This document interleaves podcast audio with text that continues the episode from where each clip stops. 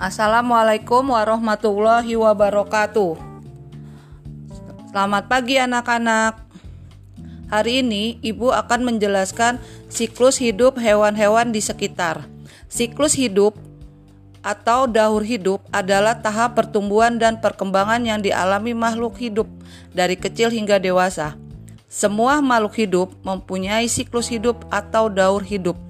Siklus hidup hewan ada yang mengalami metamorfosis dan ada yang tidak melalui metamorfosis.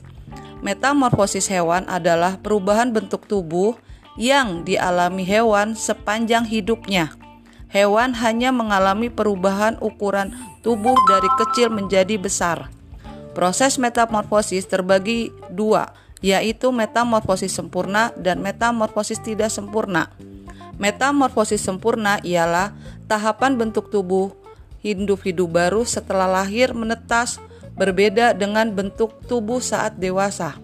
Perubahan bentuk tubuh yang terjadi pada metamorfosis sempurna ada empat tahap, yaitu telur, larva atau ulat, pupa atau kepompong, dan dewasa imago. Contoh pada hewan, kupu-kupu, katak, nyamuk, dan lalat.